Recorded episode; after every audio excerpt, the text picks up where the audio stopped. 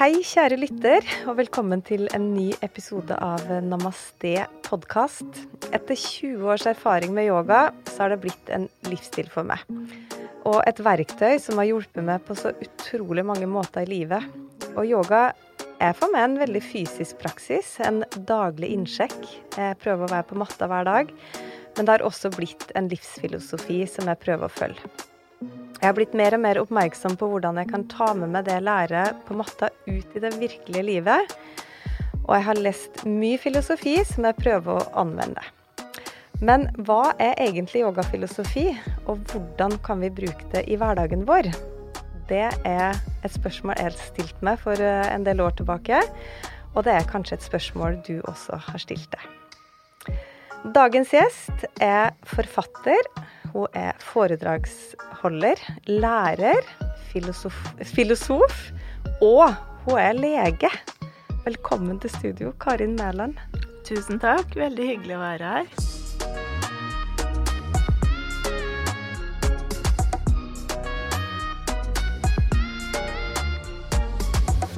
Du, helt fra starten av, eh, når jeg begynte å tenke tanken om å lage denne podkasten, så har jeg visst at jeg skulle spørre deg om å være gjest. Og ikke bare fordi du er en god venninne, vi har kjent hverandre i mange år, men fordi jeg vet at du sitter inne med så utrolig mye kunnskap som jeg har lyst til at folk som hører på Namaste, skal få lov til å høre. Um, og i introen nå så sier jeg at du er veldig mye. Du har skrevet flere bøker. Du er yogalærer, men du er også filosof, men så er du lege på toppen. Eller i bunn, kan man kanskje si. Eh, og mange vil jo si at det å være lege og filosof at det, det er jo en veldig spesiell kombinasjon. Um, og så lurer jeg på, er det litt sånn selvmotsigende? På en måte så kan du si at begge deler er eh, akademiske fag, begge deler kan studeres, ikke sant. Så sånn sett så er det ikke så, så selvmotsigende, men det representerer for meg på en måte to ulike livsveier. Mm. Det ene er litt sånn fornuftsvalg, det andre er litt sånn hjertevalg. Mm. Og ja, legestudiet ligger liksom i bånn. Det var jo det som var liksom ja, den, den, utdanningen jeg begynte med. Men samtidig så, så, var det filosofien der parallelt, og den har alltid vært der veldig sterkt for meg. Den søkende type Hva er meningen med livet, og hvordan skal vi leve? Hva er uh, de viktigste verdiene? Hva er et godt menneske? Hvordan kan vi best ha relasjoner til andre? Mm. Helt uh, grunnleggende spørsmål, egentlig. Litt sånne eksistensielle spørsmål? Ja, ja. Det var det som førte meg til filosofien. Det mm. var liksom den søken. Og så er det jo ikke alltid man finner det i filosofien. Filosofien er veldig mye annet også. Men, men den indiske filosofien har jo mye av det. Mm. Um, og hvis man skal se etter en bro, på en måte, eller et fellesskap mellom medisinen og filosofien, så er det kanskje liksom den, den forståelsen av at helse er mer enn fravær av sykdom, ikke sant? Mm. At helse er velvære. Også liksom gjennom den søken vi har i livet til å leve gode liv. Mm. Uh, og at vi ikke er på en måte hele tilfredse, lykkelige mennesker uten å ha tilfredsstilt det behovet. Så sånn sett så tenker jeg at det også er et helt reelt aspekt av mennesket som hører med. Og at det å begrense på en måte helse til det fysiske For meg så, så hører det liksom mentale og ja, liksom søkende, kanskje åndelige, også med i det som utgjør eh, liksom et helt liv, da. Mm. Men hvordan bruker du de to i kombinasjon? Eller gjør du det? Nei, det gjør jeg egentlig ikke. Så, så sånn sett så representerer det liksom to ulike deler av livet. Sånn at når jeg jobber som lege, så jobber jeg som lege. Mm. Og når jeg driver med yoga og filosofi, så er det eh, på en måte i den tradisjonen fra India som jeg har lært der. Mm. Men har du møtt mye motstand fra liksom legestand, medisinverden, i forhold til at du har så stor interesse og liksom dedikasjon for yoga-filosofi? Egentlig ikke. Mer en sånn nysgjerrighet over hvilke valg jeg har tatt, kanskje, og, og eh, hva det faktisk innebærer. Eh, så egentlig ikke en motstand, kanskje heller en sånn nysgjerrighet etter å forstå. Mm. Ever catch yourself eating the same flavorless dinner three days in a row? Dreaming of something better? Well, HelloFresh is your guilt-free dream come true, baby. It's me, Kiki Palmer.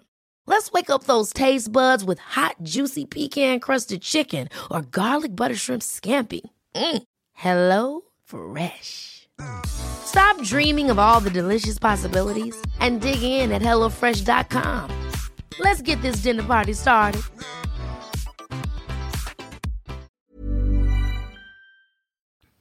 Men jeg tenker jo selv um, Eller føler selv, da, at uh, det har vært en veldig stor endring i synet på yoga.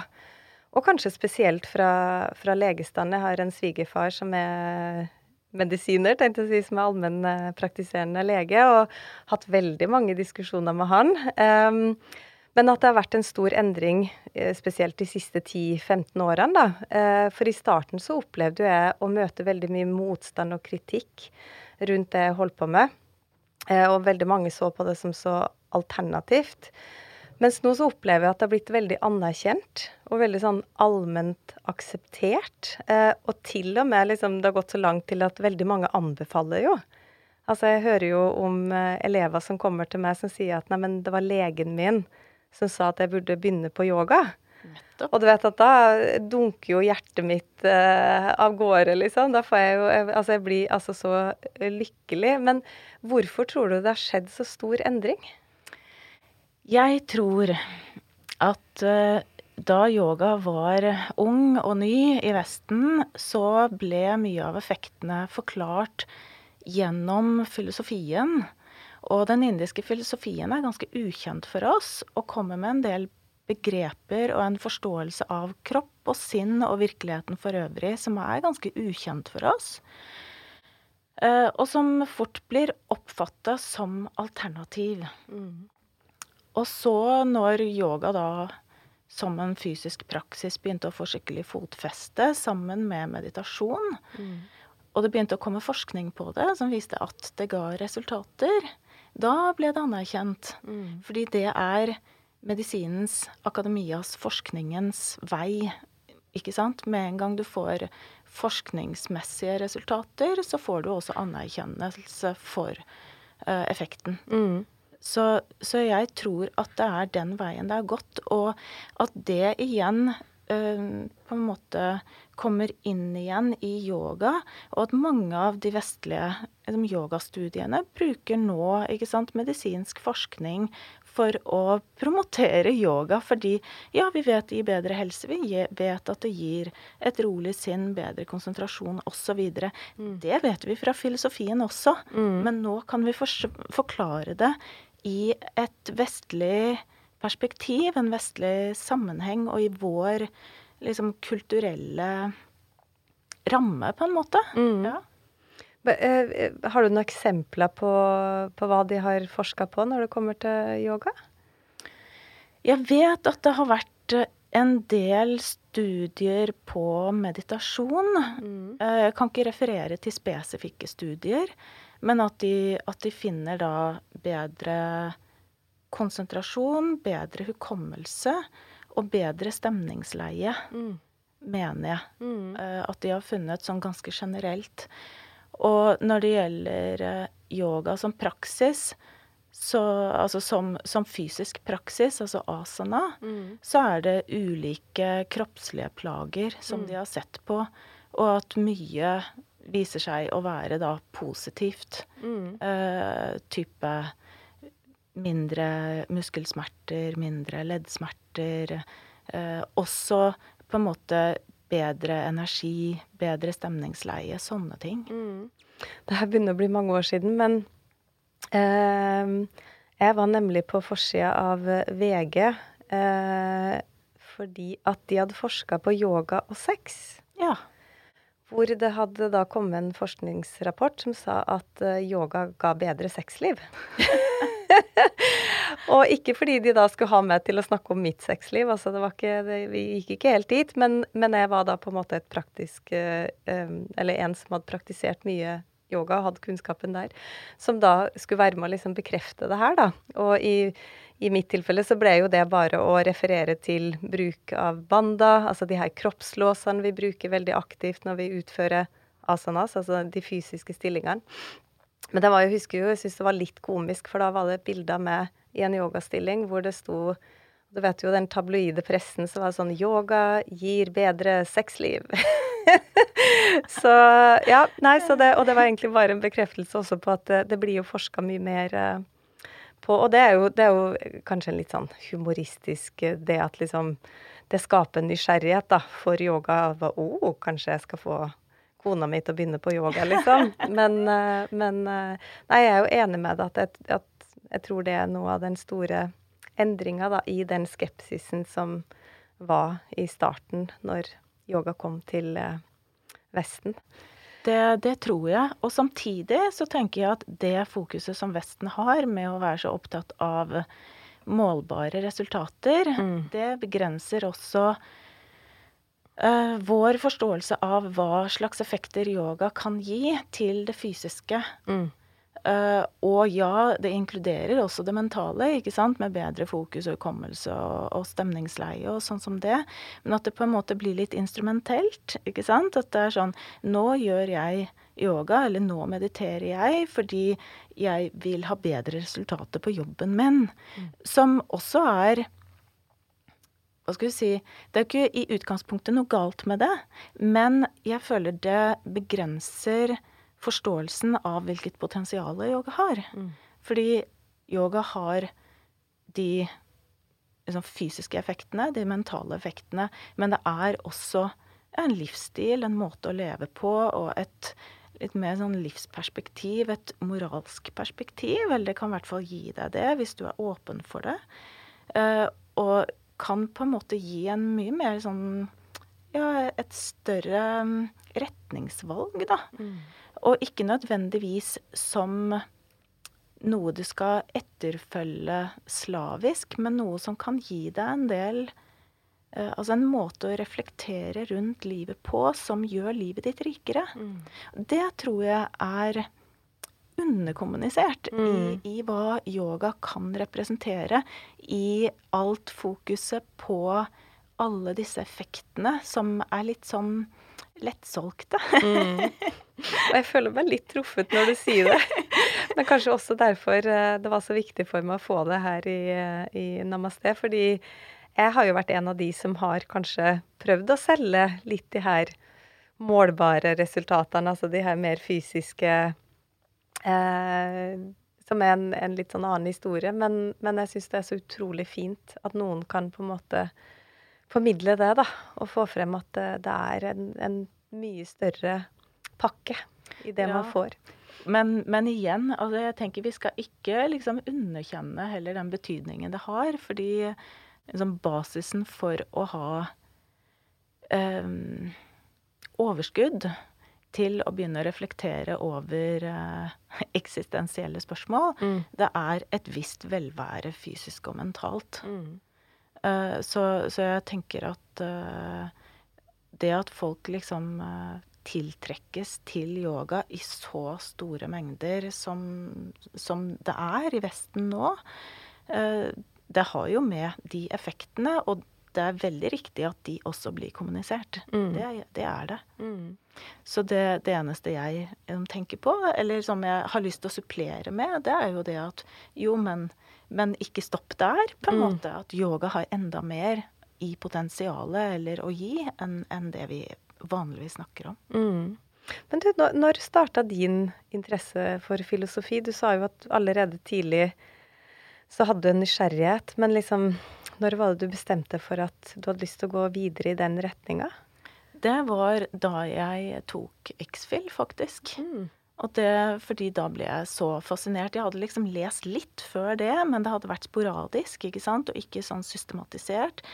Og X-FIL det bare grep meg noe så voldsomt at uh, jeg begynte å, å lure på om, om det var det jeg skulle drive med istedenfor for medisin. Ja, For det tok du før du begynte på medisinstudiet? Ja, det var jo det gamle forberedende, ikke sant. At vi gjorde det første halvåret av studiet.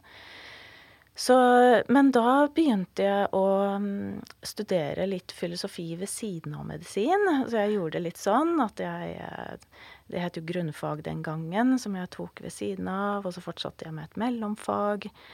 Uh, men så endte det med at jeg valgte medisinen som liksom hovedutdanningen min. Og så fikk uh, liksom filosofien være litt der som en sånn egeninteresse. Men så kom den interessen på en måte tilbake igjen da jeg begynte med yoga. Mm. Fordi da Ja, jeg begynte jo å, med en fysisk praksis, men jeg oppdaget veldig fort at her er det en filosofi også, og den er veldig interessant. Den tiltalte meg veldig. Mm. Uh, så da jeg begynte å, å praktisere yoga, så ble det veldig fort slik at yoga-filosofien, den indiske filosofien um, fikk en like stor plass for meg, da. Uh, at jeg begynte å studere det. Så det er mye den filosofiske interessen som har trukket meg inn i yogaverden også. Ja, mm. ja for hvordan kom du bort til yoga? Det er jo mange år siden, og det, det også var jo på et tidlig tidspunkt. Ja, jeg begynte på noen klasser Uh, og det var ashtanga-yoga helt fra starten. Mm. Og det var fordi en venninne dro meg med og sa Karin, dette må du prøve. Dette er så effektiv trening. Ikke sant? så det var sånn jeg datt inn i yoga, jeg mm. også. Det var mm. det. Og det var i begynnelsen av på 2000-tallet. Mm. Kanskje 2004-2005, rundt der. Mm.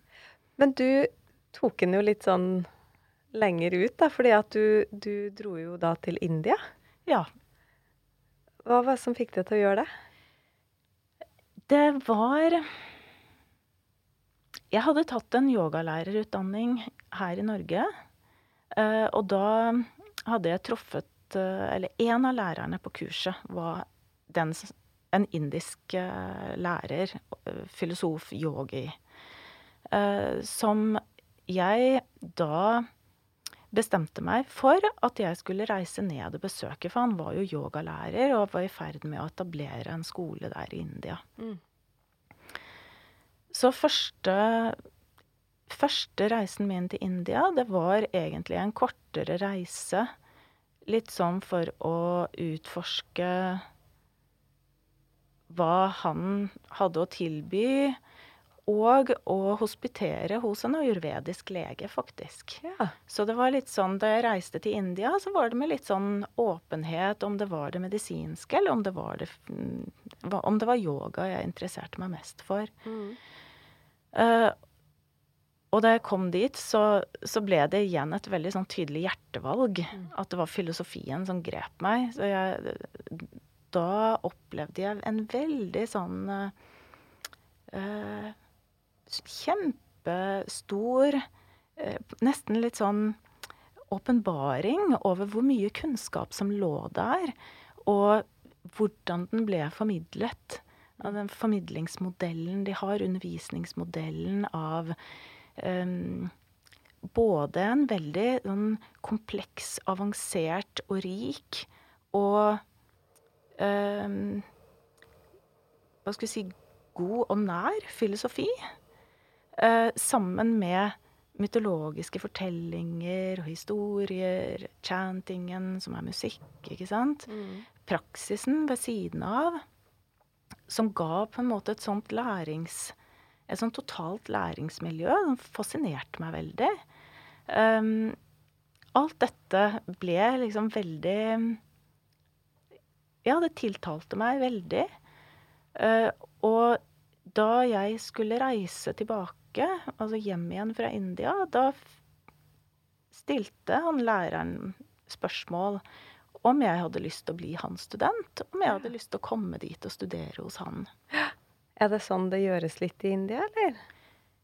Det er nok det fra gammelt av. Ja. Ja, at man eh, At man tar et valg og finner seg en lærer og finner seg en tradisjon og Mm. trer inn i den. Mm. Og for meg så var det et sånt uh, veiskille. Mm. Så Da han spurte om det, så kjente jeg at det skal jeg. Ja. Og da reiste jeg hjem og pakket ned leiligheten og avskiltet bilen og sa opp alle avtaler og alle jobbmuligheter og alt som var. Mm. Og reiste til India da første i første omgang med planen om å være der et år. Eh, Men så ble det litt sånn at jeg reiste fram og tilbake for å jobbe litt og reise ned igjen. Og holdt på sånn kanskje en fire-fem år. Så det ble lang tid i India. Jeg husker det veldig godt. Ja. Jeg husker vi sto i garderoben på Puro Yoga, Ja. og jeg var sånn Hæ, skal, skal du flytte til India? Skal du være der? Og jeg var kjempefascinert. Det var jo noen år før jeg eh, kom til India. Mhm. Så jeg husker at jeg var kjempefascinert over det. At uh, hvordan du kunne liksom gi opp, eller ja, eh, forlate liksom livet ditt her, det etablerte og legejobben og alt, til å liksom dra dit og utforske. Veldig inspirerende. Det var uh, På en måte så var det også litt sånn valget mellom hjertet og fornuften. Eh, og hvor, hvor jeg tenker Det er veldig vanskelig å si det der og da, men sånn i ettertid så kjennes det som Det var et veldig avgjørende valg, ikke Mm. sant? Et veivalg. Og som jeg kjenner at jeg er veldig takknemlig for at jeg grep, ikke sant, den Mm. muligheten. Det Mm. var veldig berikende. Ja, fordi jeg tenker at det må jo ha gjort mye med deg som menneske. Eller Ja. kanskje ikke? Jo, altså det er jo Det er vanskelig å svare på, for man, man kjenner jo seg selv bare fra innsiden. Mm. det som jeg tror det har gitt, det er For det første så var det liksom valget av å tre inn i yoga på fulltid Mm. over ganske lang tid. Eh, og at det, det gir mulighet i praksis, mulighet til å lære veldig mye på veldig kort tid. Og mulighet til å applisere veldig mange av de metodene som gjør at man blir kjent med seg selv. Det er jo det som er på en måte yogaens hensikt, at du liksom blir kjent med deg selv på alle plan. Eh, så ja, jeg føler at det var et eh,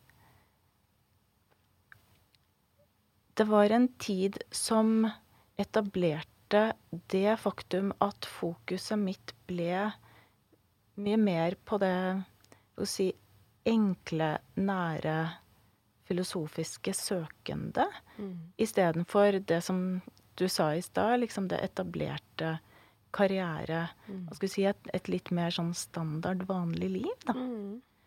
Eh, så så det valget førte meg nok ganske tydelig i den retningen. Ja. Hvordan opplevde du å bo i India? Jeg forelsket meg helt i India fra starten. Og det er litt sånn eh, For meg var det helt rosenrødt. Jeg syntes alt var helt fantastisk. Eh, menneskene så eh, vennlige og imøtekommende. Maten. Da jeg kom til læreren min den gangen, så ble jeg jo tatt imot helt fantastisk. Eh, det var jo i det den skolen ble etablert, så den var ikke ferdigbygd ennå. Men jeg ble invitert inn hos dem ikke sant, til å bo som en del av familien. Og på en måte ble virkelig tatt imot med åpne armer. Alt var veldig enkelt. Veldig sånn uh, India-landsbygd, ikke sant, med eh, ja, den indiske standarden, da. Med, hvor man sitter på gulvet og spiser, ikke sant. Og det er kaldt vann i dusjen eh, hvis det er vann. Og det er strømavbrudd nesten hver dag, ikke sant. Og det er jo dette veldig enkle livet. Um, men jeg, jeg syntes det var veldig Altså, jeg, jeg forelsket meg i det, rett og slett. Og så blir det jo litt sånn at jo lengre tid man er der, jo mer ser man nyanser. Og det er mange jeg snakker med som påpeker hva med all slummen, hva med all fattigdommen, hva med kastesystemet? Det er veldig mye som ikke fungerer. Ja, det er klart det. Um, for meg er India et utrolig rikt spekter. Fra det helt fantastiske til det helt forferdelige. Mm. Uh, og min egen erfaring fra India har vært på siden av veldig mye fantastisk. Jeg har mm. også hatt opplevelser som ikke har vært så bra, selvfølgelig. Men i utgangspunktet så knytter jeg, eller forbinder jeg, assosierer jeg India med liksom, filosofien, praksisen og en veldig hva skal vi si, rik tradisjon og stor giverglede. Mm. Det tror jeg er det jeg forbinder mest med India. Mm. Så du studerte da yogafilosofi når du kom dit. Eh, og for veldig mange så handler jo yoga om den her fysiske praksisen. Det er det de fleste kjenner. Eh, og nå har jo yoga blitt så Altså, du kan gå på Sats, alle disse treningssentrene gjør yoga. Altså, tilbudet er så stort, men de aller fleste tilbudene handler om den fysiske praksisen. Og så må jeg liksom spørre, for folk som ikke vet, hva er egentlig yogafilosofi? Og det er jo eh, Det er jo fascinerende, fordi eh, ja, det er klart eh, yoga er en praksis, og filosofien beskriver jo også en praksis. Um, yoga, filosofi Spørsmålet hvordan man vil definere det også, fordi det vi kaller yoga, filosofi i dag, er ofte en henvisning til alle de forskjellige tekstene, gamle tekstene i India som handler om yoga. Mm. Og det er mange forskjellige tekster. Og de har de gir uttrykk for ulike filosofiske syn. Um, og da snakker jeg om tekster som f.eks. Uh, de gamle eposene, Bhagavad Gita, uh, puranaene Til dels de filosofiske tekstene, men når man kommer til de mer spesifikke filosofiske tekstene, da er det mer det vi kaller filosofiske systemer. Okay. Og der finnes det jo en yogafilosofi, en klassisk yogafilosofi, hvor Patanjalis Yoga Sutra er den teksten som gir uttrykk for den filosofiske retningen. Mm. Så yogafilosofi, hvis man sier det i India, så øh, kan du si at hvis man snakker om det som en filosofisk retning, så er det en referanse til Patanjalis filosofi. Ja, ja. fordi det er jo da forskjell på indisk filosofi og yogafilosofi. For å på en måte og det stemmer, ja. Og det er også mange som ikke er klar over at India har jo en enormt stor filosofisk tradisjon som uh, er sammenlignbar med vår egen. Så når vi snakker om yogafilosofi, så er det mye. Uh, og yoga er et begrep som er inkludert i mange av de filosofiske retningene i India. Mm. Uh, for de som vil ha liksom, en oversikt over de viktigste retningene av filosofi i India, så pleier man å dele de i to uh, og kalle de for hinduistiske, eller uh, de som står i Veda-tradisjonen, og de som er ikke-hinduistiske, og, og, som som, har brutt med den vediske tradisjonen. Mm. Pleier å kalle de for astika og nastika på sanskrit. Og hvor da uh, yoga står i den vediske tradisjonen sammen med fem andre og de som, de som, da ikke er i den vediske tradisjonen, det er f.eks. buddhisme og jainisme. Okay. Som også er sant, store filosofiske tradisjoner i India. Mm. Og så er det også andre filosofiske tradisjoner som ikke er nevnt blant disse gruppene. Uh, og som delvis også defineres som en praksis. ikke sant? Du har uh, store teologiske systemer sånn som vaishnavisme og shaivisme. Og, og tantra-tradisjonen. Mm. Så det er jo Dette er jo et kjempestort landskap. Mm. Og hvor da yogafilosofien er én retning retning. Vi pleier å kalle det skole, ikke sant? men da snakker vi om en tankeskole, ikke sant? Ikke en, ikke en skole. ja, ikke en fysisk Ikke sant? Ja. Mm. Så, så, sånn sett så pleier man å kalle det de filosofiske skolene for de som er kjent med det begrepet, ikke sant, i mm. India. Og da er klassisk yogafilosofi en sånn filosofisk skole. Og da, og da, er det Patanjalis Yoga Sutra som er den teksten. Men som jeg begynte med å si, vi finner også yogafilosofi i Bhagavad Gita, ikke sant? Mm. Uh, men det er en tekst som kan tolkes inn i andre filosofiske tradisjoner, sånn som Vedanta. Mm. Så, så, når vi leser disse ulike tekstene i Vesten uten å kjenne Hva skal vi si Den filosofiske det filosofiske rammeverket da, som det er eh, Som den forståelsen ligger innenfor, mm. Eh, så er det en tendens til at vi leser de ulike tekstene, kombinerer ulike sitater, og så finner vi dette ser ikke helt ut som stemmer. Det er, litt, det er veldig mye inspirerende utsagn fra veldig mange tekster, men det går ikke helt sammen i en enhetlig forståelse. Men det er gjerne fordi man da bruker ulike tekster som tilhører forskjellige filosofiske systemer, og prøver å kombinere dem. Ja. Så noe av det som man kanskje må gjøre hvis man vil gå litt dypere i filosofien, det er å begynne å se på er hvordan leser jeg denne teksten, og hvordan tolkes den i tradisjonen? ikke sant? Mm. Hvordan leses den teksten? Og prøve å holde de ulike, i hvert fall et par sånne hovedsyn da, fra hverandre. Ryan Reynolds here from Mint Mobile. With the price of just about everything going up during inflation, we thought we'd bring our prices down. So to help us, we brought in a reverse auctioneer, which is apparently a thing. Mint Mobile unlimited premium wireless. Ready to get 30, 30, bit to get 30, bit to get 20, 20, 20, bit to get 20, 20, bit to get 15, 15, 15, 15 just 15 bucks a month. So, Give it a try at mintmobile.com/switch. slash $45 up front for 3 months plus taxes and fees. Promo rate for new customers for limited time. Unlimited more than 40 gigabytes per month slows. Full terms at mintmobile.com.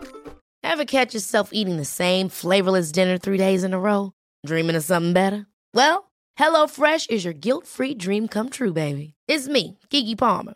Let's wake up those taste buds with hot, juicy pecan crusted chicken or garlic butter shrimp scampi. Mm. Hello Fresh. Stop dreaming of all the delicious possibilities and dig in at HelloFresh.com. Let's get this dinner party started.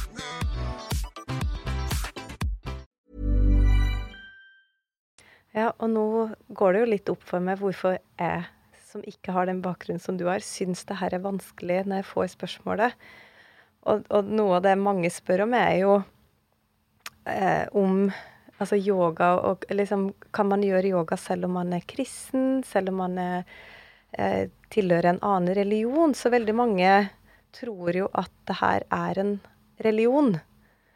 Og så skal jeg da prøve å forklare at det ikke er det. Og ikke sant, når du hører på alt det du sier nå, så er det jo ikke så rart at uh, vi som ikke har den kunnskapen, klarer å forklare det ordentlig. det, det, er jo komplekst. Mm. Det er jo det. Og, og dette med, med, filosofi og religion, det er også ganske vanskelig fordi vi snakker om tankesystemer som oppsto både altså på, i tidspunktet eller tidsrommet liksom før, like før og like etter Kristi fødsel. Mm. Og på det tidspunktet så skilte man ikke mellom religion og filosofi. Nei. Og det gjorde vi ikke i Vesten heller. Det, vi, det begynte vi å gjøre i opplysningstiden. Så etter opplysningstiden i Vesten så tenker vi at nå er vi så rasjonelle og objektive fordi vi vet forskjellen på religion og filosofi. Men når vi leser våre egne filosofer fra 1500- og 1600-tallet, så, så skiller ikke de mellom religion og filosofi. De inkluderer helt uproblematisk det guddommelige i sine filosofiske mm. resonnementer. Uh, så det å prøve å hva skal vi si, skape et sånt skille i den indiske tradisjonen, det er ganske vanskelig. Mm. Uh, og så skal det sies at noen av de filosofiske retningene ikke omtaler det guddommelige, eller Gud i det hele tatt. De mener at, at det ikke finnes noen Gud, åpenbart fordi det ikke er nevnt. Eh, noen tradisjoner har det guddommelige inkludert, og mener at hengivenhet til det guddommelige er en viktig del av en praksis. Klassisk yogafilosofi inkluderer det som uh, kalles for ishvara, som er uttrykk for det guddommelige, mm. og anbefaler hengivenhet til det guddommelige som en praksis. Så det er faktisk en del av klassisk yogafilosofi. Men det betyr ikke at vi skal forveksle ishvara, altså det guddommelige i klassisk yogafilosofi, med det vi kaller Gud i en kristen tradisjon. For det er to ganske forskjellige ting. Mm. Så ishvara i yogatradisjonen er ikke skaper og ikke dømmer. Ikke dommer, ikke sant? Mm. Uh, er ikke den som uh, på en måte uh, er, er, den type mm, Ja, hva skal vi si Guddom som vi er vant med fra vår egen kultur. I stedet så er Ishvara beskrevet som en eh, en ren bevissthet. Mm. Uh, og som er uttrykt gjennom mantraet om. Ja. Så sånn sett så blir det da en uh, en del av praksisen å repetere mantraet om. Og det har også med hengivenhet til det guddommelige å gjøre. Mm. Så ja, å skille mellom om dette er praksis, om det er filosofi, om det er en metode, eller om det er religion, er ikke så lett. Nei. Og det ligger i et grenseland. Og det ligger i et grenseland fordi et sånt skille ikke ble definert i det tankesystemet da det oppsto. Mm. Og det ene utelukker ikke det andre. Altså man kan Absolutt. Ja. Det ene utelukker ikke det andre. Nei. Og, og um, Jeg tenker praktisk sett at uh, på det spørsmålet kan man praktisere yoga som kristen. Mm. Ja. Mm. Definitivt. Og um, noe av det som er veldig tiltalende med Patanjali, det er at han er så lite dogmatisk. Han gir ikke denne Ishvara noen liksom, personlighet, noen sekterisk personlighet. Det blir en ren bevissthet mm. som man selv på en måte gir den formen som uh, som man trenger, på en måte, og, og, i sin reneste form, da, om, ikke sant. Mm. Men jeg tenker at Patanjali virker veldig lite dogmatisk. Så jeg tror nok at vi har en tendens til å være mer dogmatiske enn, enn hvordan filosofien er fremstilt. Mm. Mm. Og, det, og, det, er jo sånn at man kan også praktisere en filosofi uten å gjøre det fysiske. Altså bare for å si litt om Altså man kan, man, man kan jo gjøre asanas, den fysiske yogapraksisen, uten å gå inn i filosofien og vice versa. Absolutt. Ja. ja. For det er jo også mange som Ja, men må jeg liksom inn i Må jeg liksom lære om det i tillegg? Nei. Jeg tenker at uh, noe av fordelen med, med, yoga og alle dens metoder, er jo litt det at du kan velge litt. Mm. Og så tenker jo jeg, med min interesse for filosofi, at uh, metoden og praksisen uh, spiller veldig sammen med filosofien. Og at praksisen gir deg en erfaring som du nyter godt av når du skal prøve å forstå filosofien. Og at filosofien spiller inn i praksisen gjennom at du kan um, modifisere den, og at du vet hva hensikten er. Du får på en måte en sånn større sammenheng for hvorfor du driver med praksisen, og, og hvilket mål den har. Mm. Men selvfølgelig du kan utforske veldig mye på egen hånd også. Mm. Ja, og jeg opplever jo at veldig mange møter jo yoga som en fysisk praksis. Og etter hvert så vokser det frem en interesse for å gå dypere inn i det her. Mm. Og det er jo da ofte mange begynner på en teacher training, eller hvor du blir introdusert til yogafilosofien, ikke sant. Og på et forholdsvis vanskelig overfladisk plan da, i forhold til den veien du har gått, men likevel at man da begynner liksom Den nysgjerrigheten vekkes ofte, da, etter mm. hvert. Mm. Mm. Uh, og det er jo og det, og det, Altså, jeg har jo um, ikke gått så i dybden. Jeg har jo lært mye, jeg har lest mye.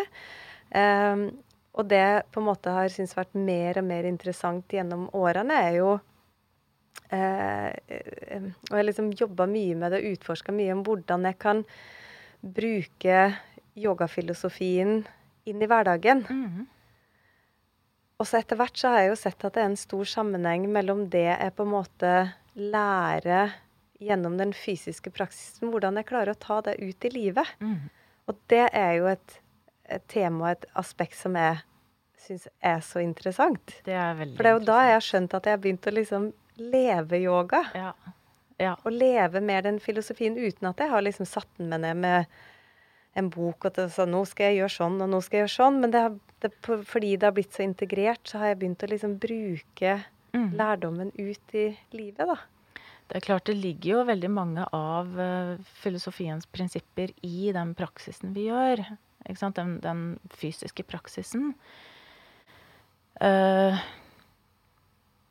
pusten og fokuset, ikke sant. Eh, det ligger jo som noen, andre, noen av de andre lemmene i yoga. Eh, og den, eh, den kunnskapen om hvordan man må være med seg selv for å kunne opprettholde en sånn type praksis hver dag. Og da handler jo det også om å være til stede, ikke sant, være snill med, meg, med seg selv og liksom disse tingene. Og, og når jeg sier det, så er det også med det bakteppet av at ikke sant, basisen i den praksisen som Patanjali anbefaler i klassisk eh, yogafilosofi, den er jo etikken. Det vil si at det å ha en basis av ikke-vold, sannferdighet, ikke sant Eh, Den type prinsipper, at det får um, plass i hvem man er. Og det tenker jeg, hvis man er Hvis man har en lang tids praksis, så er det også noe man kan oppdage i praksisen. At for å ha en sånn daglig praksis som ja, som, som veldig mange ashtanga-yogier har, og ja, mange andre også, altså som er vanlig i yoga. For å opprettholde det, så trenger man en del sånne dype prinsipper. Men jeg tror også at den bevisstheten man får i filosofien av å applisere det både i praksisen og i hverdagen, at det er med på å bevisstgjøre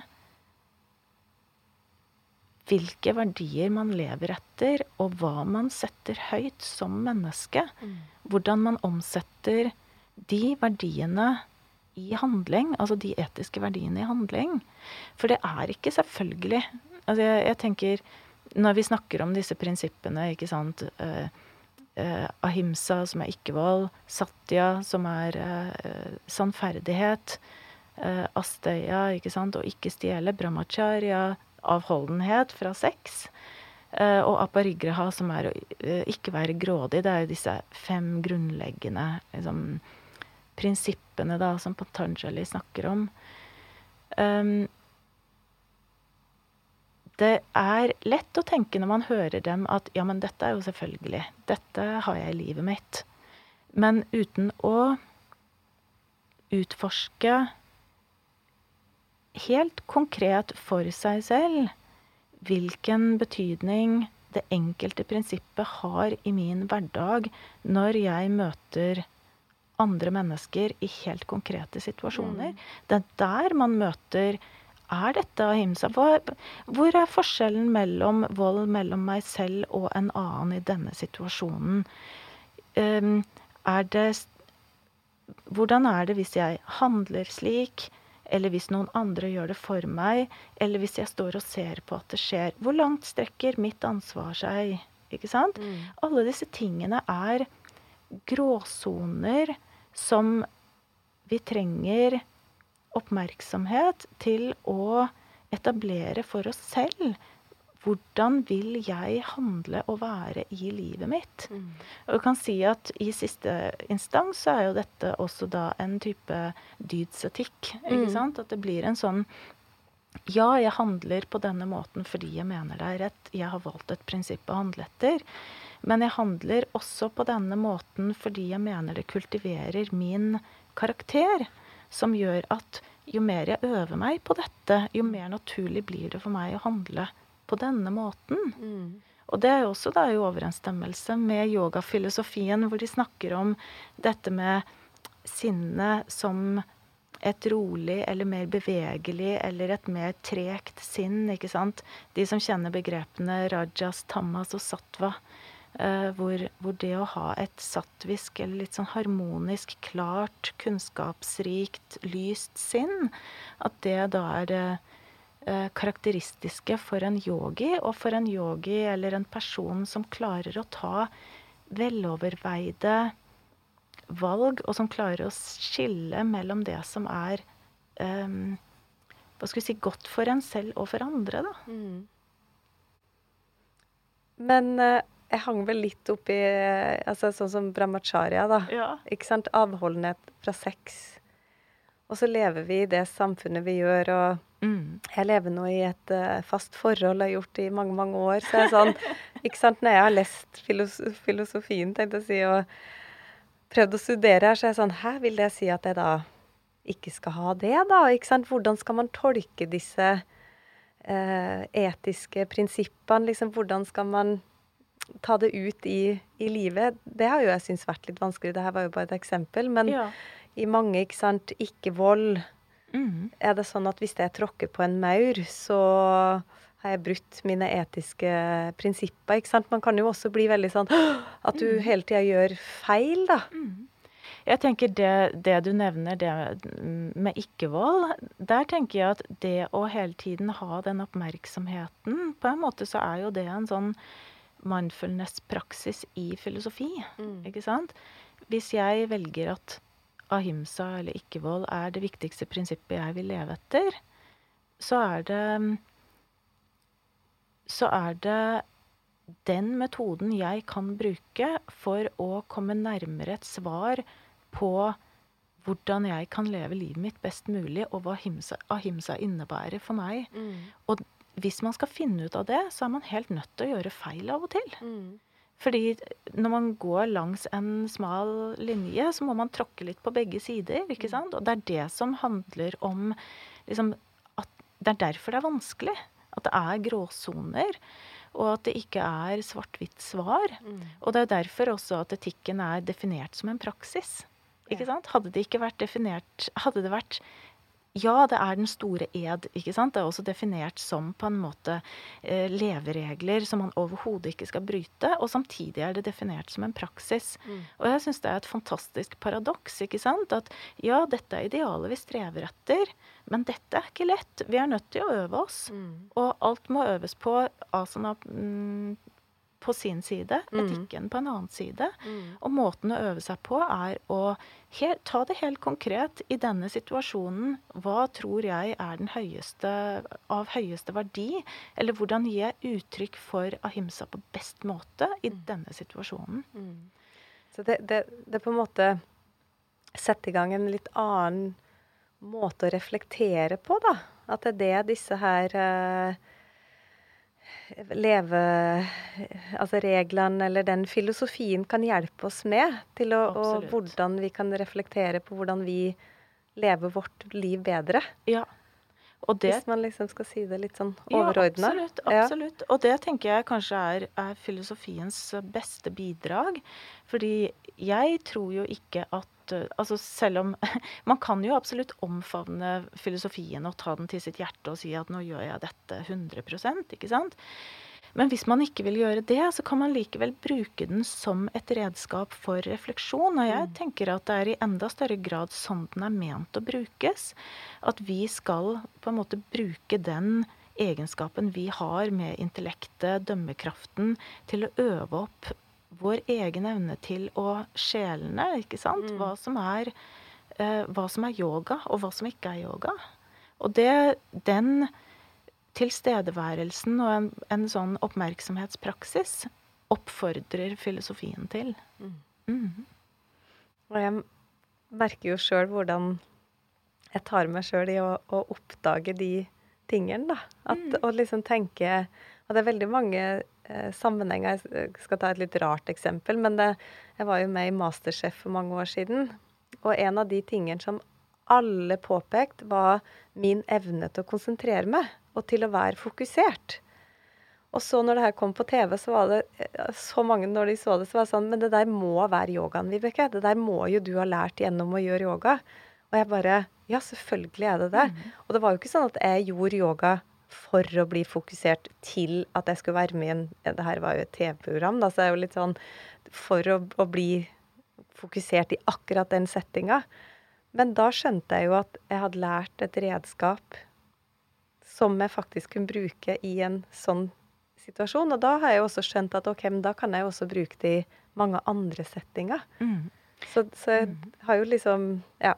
Saken er at det blir integrert i deg som person. Sant? At det ikke nødvendigvis blir en metode som du velger å applisere, men at det bare uh, At du tar det med deg, og i den situasjonen du trenger det, så er det det som kommer frem. Og det tenker jeg er jo effekten av å drive med den praksisen. Ja, det det er bare så fascinerende når, jeg, når du på en måte Og det er jo litt sånn eh, Veldig sånn praktisk eksempel. Når du gjør disse fysiske stillingene, så står man jo ofte? Vi prøver å finne roen i enhver stilling. Og ofte så er det jo ubehagelig. Men det å Og da snakker jeg ikke om smerte, vi skal jo ikke presse oss inn i ting, eller Men, men det å på en måte stå i litt ubehag, da. Som jeg også vet at jeg har trent mye i. Det har jeg også prøvd å applisere inn i det virkelige liv. fordi at av og til så er jo livet ubehagelig. Ja, På mange ulike måter. Men det å prøve å stå i det, da, er jo også en sånn lærdom som jeg føler at Bare for å liksom prøve å komme med noen konkrete eksempler som folk kan liksom kjenne seg litt igjen i. Ja, absolutt. Og skjønne at her er det masse nyttig verktøy. Ikke bare det at 'å, jeg får til den stillinga, se hvor flott det ser ut', men at veien dit så ligger det så mye lærdom. Ja, det gjør Det, det. og jeg, jeg tror jo derfor jeg på en måte aldri gå lei av å holde på med det her heller. Mm. Fordi jeg føler at det er uendelig hav av ting jeg kan lære og ting jeg kan øve på. ikke sant? Det er jo derfor vi, som du sier, vi kaller det å praktisere. Ja. For vi praktiserer, vi øver Ja, hele tida. absolutt. Absolutt. Og det er, eh, der er jeg veldig enig med deg, at eh, asana-praksisen, den fysiske praksisen, har utrolig mange gode prinsipper som man kan ta med seg ut i livet. Mm. At spesielt det du nevner med å være med ting. Mm. Uh, møte seg selv, ikke sant. Være med dårlige dager og ting som er vanskelig, osv. Våge å kjenne på det. Det, det tror jeg er eh, noe veldig viktig å lære. Ikke flykte fra ting. Mm. Vi har jo snakka mye om yogafilosofi og liksom hvordan eh, Det kan jo være noen nå som sitter og tenker Det her ble jeg litt nysgjerrig på. Hvor skal jeg starte? Altså liksom Hva anbefaler du å gjøre? Altså hvis man har lyst til å begynne å utforske yogafilosofien mer? Det er um, Altså én vei er jo selvfølgelig å liksom, fordype seg i kurs eller utdanninger, ikke sant? sånne ting, sånn at man liksom får en liksom større oversikt. Det er én mulighet. Hvis man har lyst til å bare søke opp noe direkte, så er det jo en del tekster man kan starte med. Det som er med en del av disse gamle tekstene, ikke sant, det er at de er Noen av dem er tilsynelatende ganske enkle, men inneholder veldig mye informasjon. Eh, sånn som eh, ja, nettopp Patanjalis Yoga Sutra. ikke sant? Det er jo bare eh, noen få eh, setninger, ikke sant? Eh, et par av fire ark. Men fyller liksom bøker på bøker med hva skal vi si, systematisert filosofi, da, når det er tolket og, og diskutert. Eh, eller du har en tekst sånn som Bhagavad Gita, som eh, er en fortelling. Helt fantastisk. Så verdt å lese. Eh, men som også kan leses med kommentarer og forklaringer for at du skal få en større forståelse av filosofien. Eh, men i hvert fall både Bhagavad Gita og Yoga Sutra tenker jeg er liksom sentrale tekster å lese. Eh, og så er det jo Upanishadene, som mange liker, ikke sant. Det er jo veldig gamle tekster, mange av de. Um, jeg tror veldig lite av dette er oversatt til norsk, så det blir stort sett engelske oversettelser. Eposene, Ramayana, Mahabharata, veldig fine å lese. En del puranaer. Eh, den mest kjente er Bhagavata Purana. Det er om Krishna. Mm -hmm. jeg tenker det Det er liksom gode steder å starte. Mm. Uh, og så når man da begynner å søke på dette, så er kanskje problemet at man uh, søker man på Patanjalis Yoga Sutra, så får man sikkert 2000 treff, kanskje flere. ikke sant? Det er enormt mange oversettelser, kommentarer osv. Så, uh, så der kan jeg nevne noen av mine yndlingsforfattere. Og der Det jeg legger vekt på når jeg uh, velger litteratur å lese, det er forfattere som holder seg til si, den klassiske tradisjonen. Og det tror jeg har å gjøre med min bakgrunn fra India. Mm. At den indiske tradisjonen får lov å tolke seg selv, ikke sant. Uh, så den måten disse tekstene har vært behandlet på i den indiske kulturen, at den blir respektert også i moderne oversettelser og moderne kommentarer. Mm.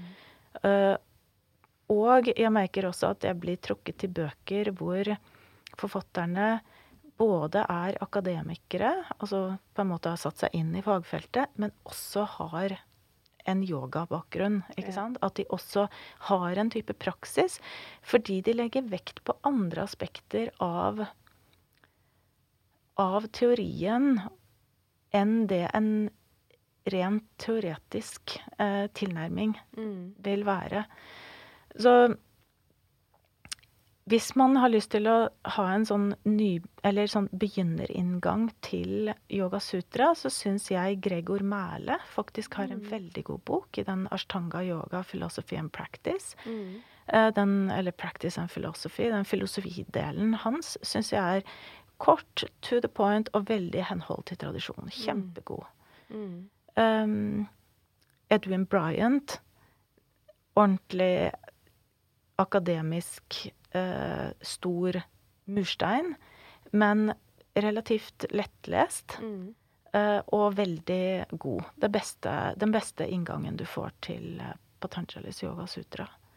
Det her skal jeg merke meg at det skal vi skrive, sånn at folk kan finne det ja, ikke sant? lett. Sånn ja. det, for det å få gode anbefalinger på det er jo kjempefint.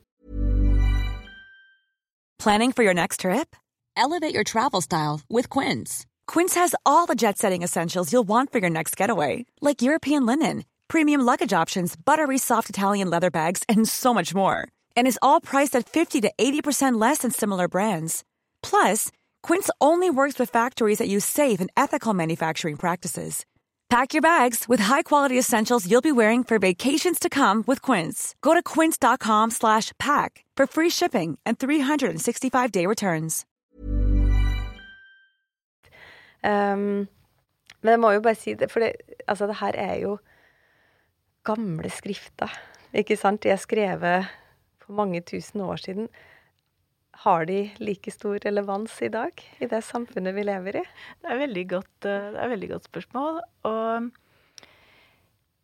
det er en grunn til at klassikere er klassikere. Mm. Um, Jeg opplever når jeg leser disse tekstene, at de ikke mister liksom, tiltrekningskraften etter en gang eller to, men at det heller er omvendt. At man kan komme tilbake til dem og, og liksom finne uh, større forståelse og dypere mening og mer inspirasjon. Uh, det tenker jeg er et godt tegn ved tekstene. Og så tror jeg det er tematisk. Dette handler om hvordan vi er Altså, hvem er vi som mennesker? Hvordan skal vi leve? Hva gir mening? Og, og hva er på en måte søk etter uh, frihet fra lidelse? Mm. Uh, jeg tenker at det er noe allment i det. Uh, og at disse tekstene er uttrykk for en veldig god formulering av svar på noen av de spørsmålene. Og at det er, det er jo evige spørsmål i filosofien. Mm. Dette er gode forsøk på svar. Mm. Mm. Du, da, jeg håper at vi har vekt eh, interessen for flere aspekter ved yoga. Hvis man nå sitter og hører på som ikke har kommet dit at det. Så jeg håper at vi har klart å gjøre det. Eh, og så er jeg så utrolig glad for at du hadde lyst til å dele. Men før jeg lar det gå, så avslutter jeg alle de her samtalene mine med å spørre gjestene om eh, de kan dele et tips til lytterne. Og, og liksom, hva er ditt beste tips når det kommer om det er yoga, livsstil, livsfilosofi, eller Hva er ditt beste tips, Karin? Mitt beste tips er regelmessighet. At hvis du har lyst til å ha en praksis, eller utvide praksisen, eller utforske noe, så gjør litt hver dag. Så det å etablere en vane, en rutine, med så lav terskel som mulig, eh, hvor man ikke en- engang trenger å si at det skal være fem minutter eller ti minutter, men at målet er at man setter seg ned. Nesten bare for å etablere en praksis, etablere en rutine. Og at når man sår sånne frø, og man ønsker seg at det skal vokse, så vil det begynne å vokse, og det vil ta form, og det vil gi frukter som over tid, selv om det er bare litt hver dag, så vil det over tid gjøre noe og gi deg noe. Så det tror jeg er et godt prinsipp i yoga generelt. Eh, Regelmessighet. Litt, en liten investering hele tiden, så får det lov å vokse. Godt tips og en god avslutning. Tusen takk for at du kom, Karin. Tusen takk skal du ha.